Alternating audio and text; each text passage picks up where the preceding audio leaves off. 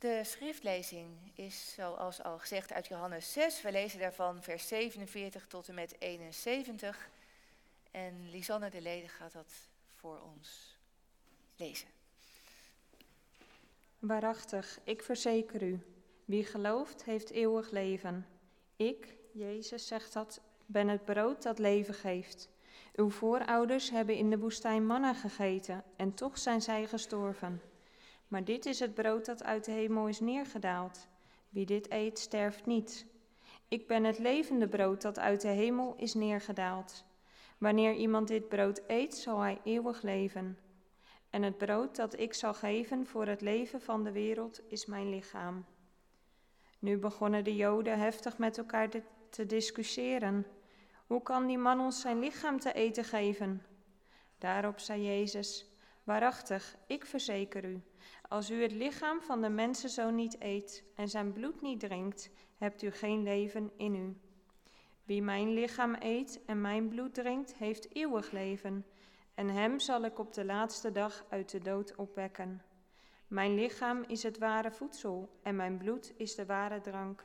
Wie mijn lichaam eet en mijn bloed drinkt, blijft in mij en ik blijf in hem. De levende Vader heeft mij gezonden en ik leef door de Vader. Zo zal wie mij eet leven door mij. Dit is het brood dat uit de hemel is neergedaald. Het is niet het brood dat onze voorouders aten. Zij zijn gestorven. Maar wie dit brood eet, zal eeuwig leven. Dit alles zei hij in de synagoge van Cafarnaum, toen hij daar onderricht gaf. Veel leerlingen die het gehoord hadden, zeiden: Het zijn harde woorden, wie kan daarnaar luisteren? Jezus wist wel dat zijn leerlingen protesteerden en zei tegen hen: Ergeren jullie je hieraan? Maar als jullie nu de mensen zouden zien opstijgen naar waar hij eerst was? De geest maakt levend, het lichaam leidt tot niets. Wat ik gezegd heb is geest en leven, maar sommigen van jullie geloven niet. Jezus wist namelijk vanaf het begin wie er niet geloofde en wie hem zouden uitleveren. Daarom heb ik jullie gezegd, zei hij dat iemand alleen bij mij kan komen als het hem door de Vader gegeven is. Toen trokken veel leerlingen zich terug en gingen niet verder met hem mee. Jezus vroeg nu aan de twaalf: Willen jullie soms ook weggaan? Simon Petrus gaf antwoord: Naar wie zouden wij moeten gaan, Heer? U spreekt woorden die eeuwig leven geven, en wij geloven en weten dat u de Heilige van God bent. Jezus zei: Ikzelf heb jullie alle twaalf uitgekozen en toch is een van jullie een duivel. Hiermee doelde hij op Judas, de zoon van Simon Iscariot, want hij, een van de twaalf, zou hem uitleveren. Boven de verkondiging heb ik als thema gezet Jezus woorden, hart of vol van geest en leven. En dat is een vraag. Jezus woorden, hart of vol van geest en leven. Gemeente van Jezus Christus, jongeren, ouderen, hier in de kerk, maar ook thuis. Dat laatste deel van Johannes 6, dat was me al eerder eens opgevallen. Maar een tijdje geleden raakte het me opnieuw, omdat het zo dichtbij komt. Er wordt iets beschreven van 2000 jaar geleden. Tegelijkertijd is het iets dat ik ook nu zie gebeuren in onze tijd. En ik bedoel dit. Aan het begin van Johannes 6 staat het wonder van de broodvermenigvuldiging beschreven. duizenden mensen kregen te eten. Het waren mensen die, die achter Jezus aanliepen, die er moeite voor deden, die de tijd namen om zijn preken te horen. Ze zaten aan zijn voeten. Ze luisterden naar hem. Misschien in totaal wel 15.000 mensen, met vrouwen en kinderen erbij. En aan het einde van Johannes 6 lijkt er nog maar een groepje van twaalf over te zijn. Ik zie het ook in deze tijd gebeuren. Mensen die Jezus volgden. Ze zaten jarenlang in de kerk. En opeens haken ze af. Ze gaan weg. En er blijft soms nog maar een heel klein groepje over.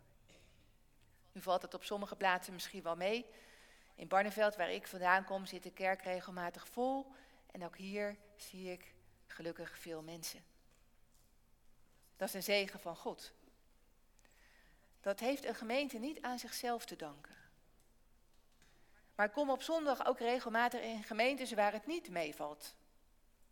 Weinig kerkgangers, niet voldoende ambtsdragers meer om dienst te doen. Er worden diensten geschrapt of soms samengevoegd met een buurgemeente. Nou, in de praktijk werkt dat lang niet altijd. Soms betekent dat dat mensen die voorheen elke week naar de kerk gingen, dan nog maar één keer per twee weken gaan. Hè, alleen als er dienst is in hun eigen vertrouwde kerk.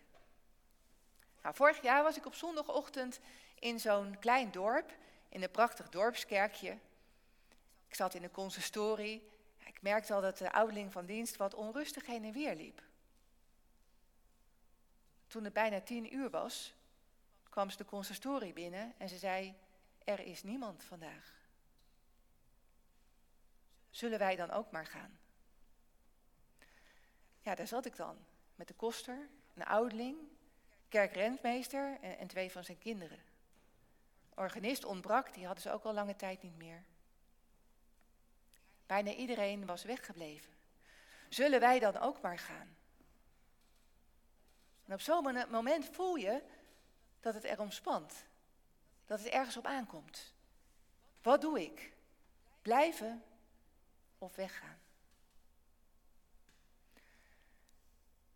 Ik zie nog iets dat zowel in Johannes 6 als in onze tijd gebeurt. Jezus spreekt in dit hoofdstuk grote woorden over zichzelf. Ik ben het brood dat leven geeft. Ik ben het en niemand anders. En wie mijn lichaam eet en mijn bloed drinkt, zal eeuwig leven.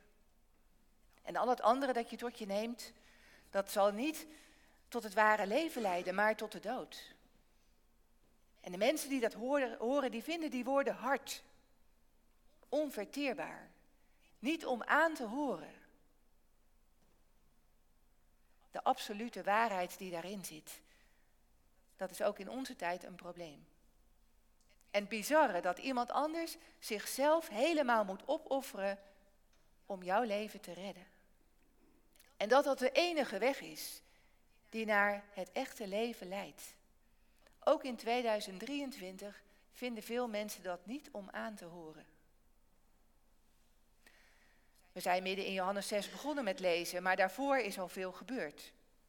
Eerst het wonder met de vijf broden en de twee vissen, waarin Jezus laat zien dat er bij hem genoeg is voor iedereen. Niet voor een beperkt groep, groepje mensen, nee, voor iedereen. Daarna vertrekt Jezus met zijn twaalf leerlingen in een boot naar de overkant van het meer. En de mensen volgen hem. Ze gaan vragen stellen. Jezus geeft antwoord. Hij vertelt wie hij is. Ik ben het brood dat leven geeft. Ik ben uit de hemel gekomen om jullie het ware, het eeuwige leven te geven. En dan tussen de regels door benoemt Jezus wat aspecten van dat eeuwige leven. Geen geestelijke honger of dorst meer. Anders gezegd, er komt een einde aan die constante, doodvermoeiende zoektocht naar zingeving, naar innerlijke rust, naar vrede. Je leven krijgt meer richting. Je gaat steeds beter zien wat echt belangrijk is. Eeuwig leven, dat betekent ook leven in het vertrouwen dat Jezus je niet wegstuurt. Dat je niet verloren bent, nu niet, in dit leven niet, maar ook daarna niet. En dat Jezus je laat opstaan in een nieuw, een ander leven. En dat eeuwige leven, dat begint nu al, als je met Hem verbonden bent. En straks, na de dood, zal dat volmaakt, voltooid worden op de allerlaatste dag van deze wereldtijd, als Jezus terugkomt. En als de Joden deze woorden van Jezus horen, dan gebeurt er wat.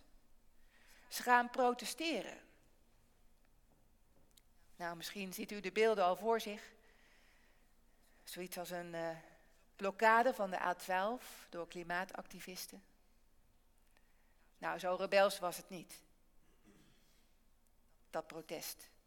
De mensen keren zich nog niet openlijk tegen Jezus, maar er begint binnen in hen wel iets te broeien van weerstand en onvrede. De Statenvertaling gebruikt hier het woord murmureren. En misschien ken je het nog wel van hoe het volk Israël in de woestijn die innerlijke onvrede en weerstand liet opborrelen. Murmureren. wat mompelend mopperen, omdat je je ergens niet bij neer wil leggen. Een beetje tegensputteren en daarin blijven hangen. Wie denkt Jezus wel dat hij is? We kennen hem toch, die man uit Nazareth? En even later ontaart dat gemopper in een heftige discussie. Eigenlijk staat er dat er gevochten wordt met woorden. Voelt u een beetje aan wat hier gebeurt? Dat er iets van weerstand ontstaat als iemand zulke grote dingen zegt. En begrijpt u dat die woorden van Jezus bij mensen tegen de borst stuiten? Omdat die woorden op een bepaalde manier heel radicaal zijn. En omdat je aanvoelt dat ze over jou gaan.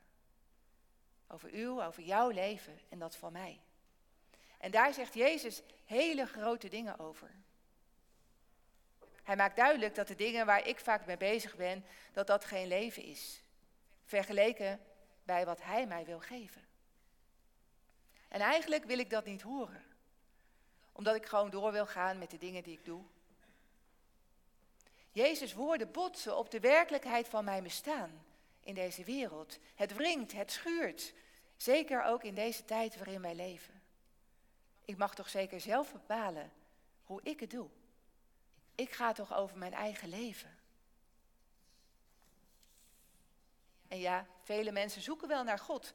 Naar het goddelijke of naar zingeving en perspectief. Naar innerlijke rust, naar een goed leven voor jezelf en voor anderen en voor de hele schepping. Maar dat exclusieve van het evangelie. Dat je voor al die dingen bij Jezus moet zijn en bij Hem alleen. Dat er buiten Jezus geen toekomst is. Ja, gemeente, dat stuit op weerstand bij heel veel mensen in onze samenleving.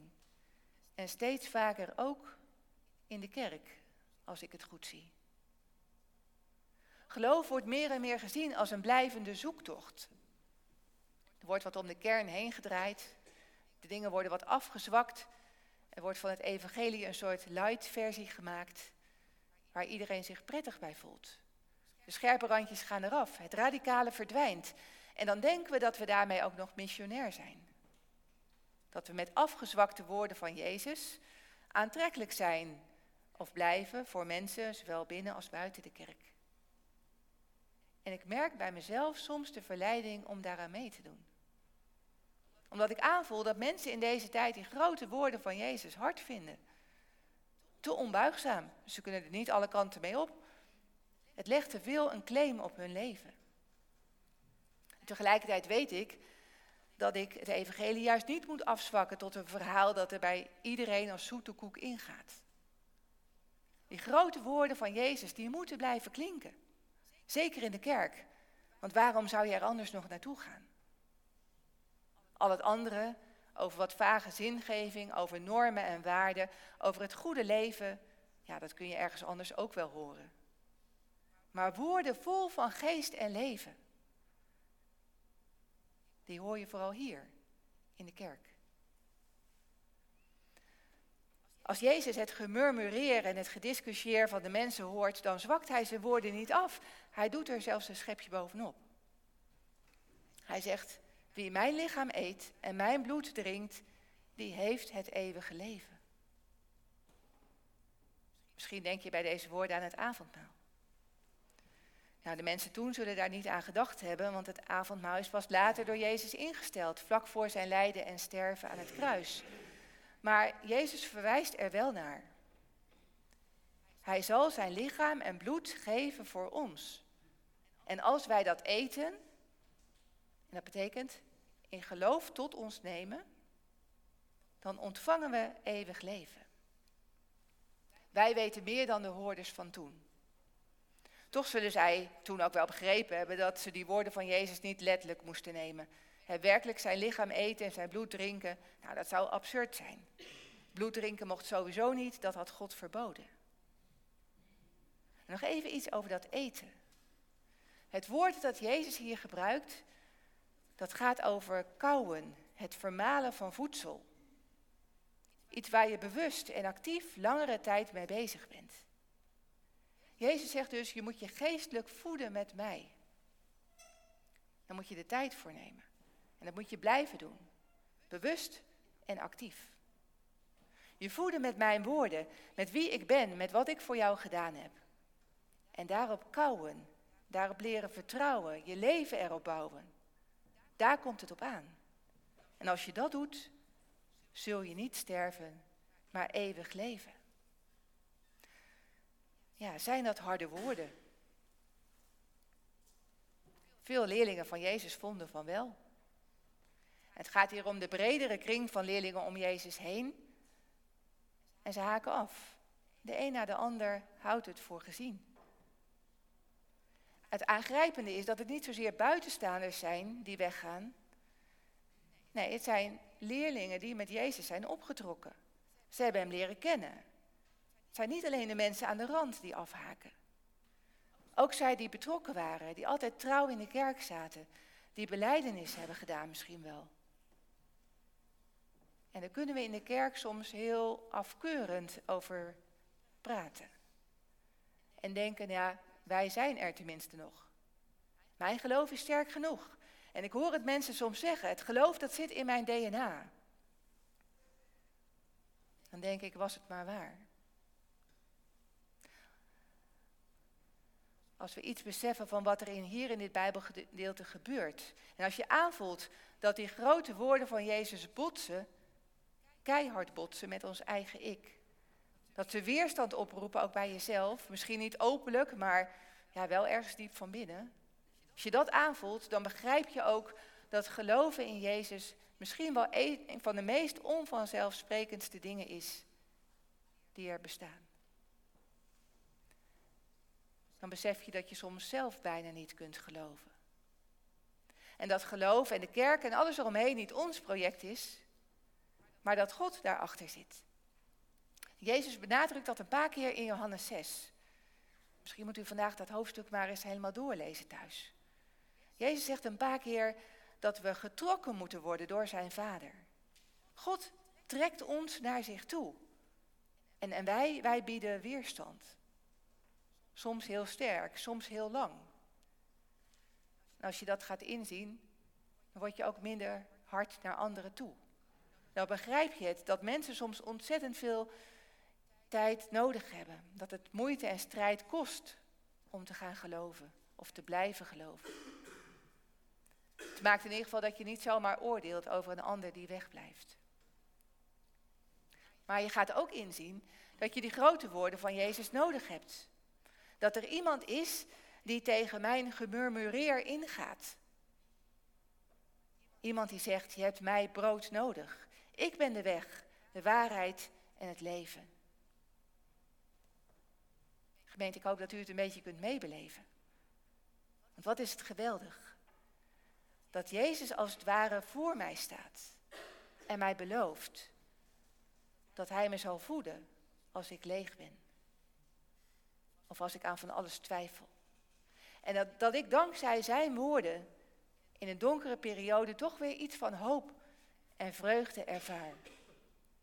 En als je daar iets van hebt ontdekt in je leven, van wat Jezus Christus je geeft, en van de levenskracht die in zijn woorden zit, dan zul je ook dat antwoord van Petrus herkennen.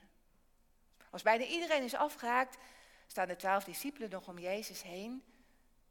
Ja, hoe zullen ze zich gevoeld hebben? Verbijsterd, gedesillusioneerd. En dan die vraag van Jezus. Willen jullie soms ook weggaan? Nee, Jezus wil zijn volgelingen niet kwijt. Maar hij wil ook geen discipelen die zich gedwongen voelen om te blijven. Geen kerkgangers die zich verplicht voelen om te komen, om voor de vorm aan dingen mee te doen, om alles nog een beetje in stand te houden en zo. Terwijl het niet oprecht is. Denk aan de verloren zoon.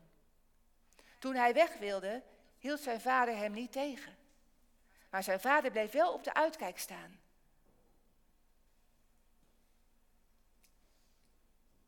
En als zijn zoon terug zou komen, dan zou hij zeggen, welkom thuis. Die vader wilde zijn zoon niet kwijt. En Jezus wil zijn leerlingen niet kwijt. Hij wil u, jou en mij niet kwijt. Maar Jezus dwingt ons niet. Hij geeft ons ruimte om een keuze te maken.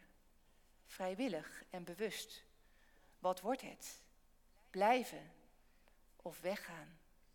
En waarom? Wat zou u antwoorden? Petrus antwoordt namens de twaalf discipelen: Weggaan, Jezus, maar naar wie dan?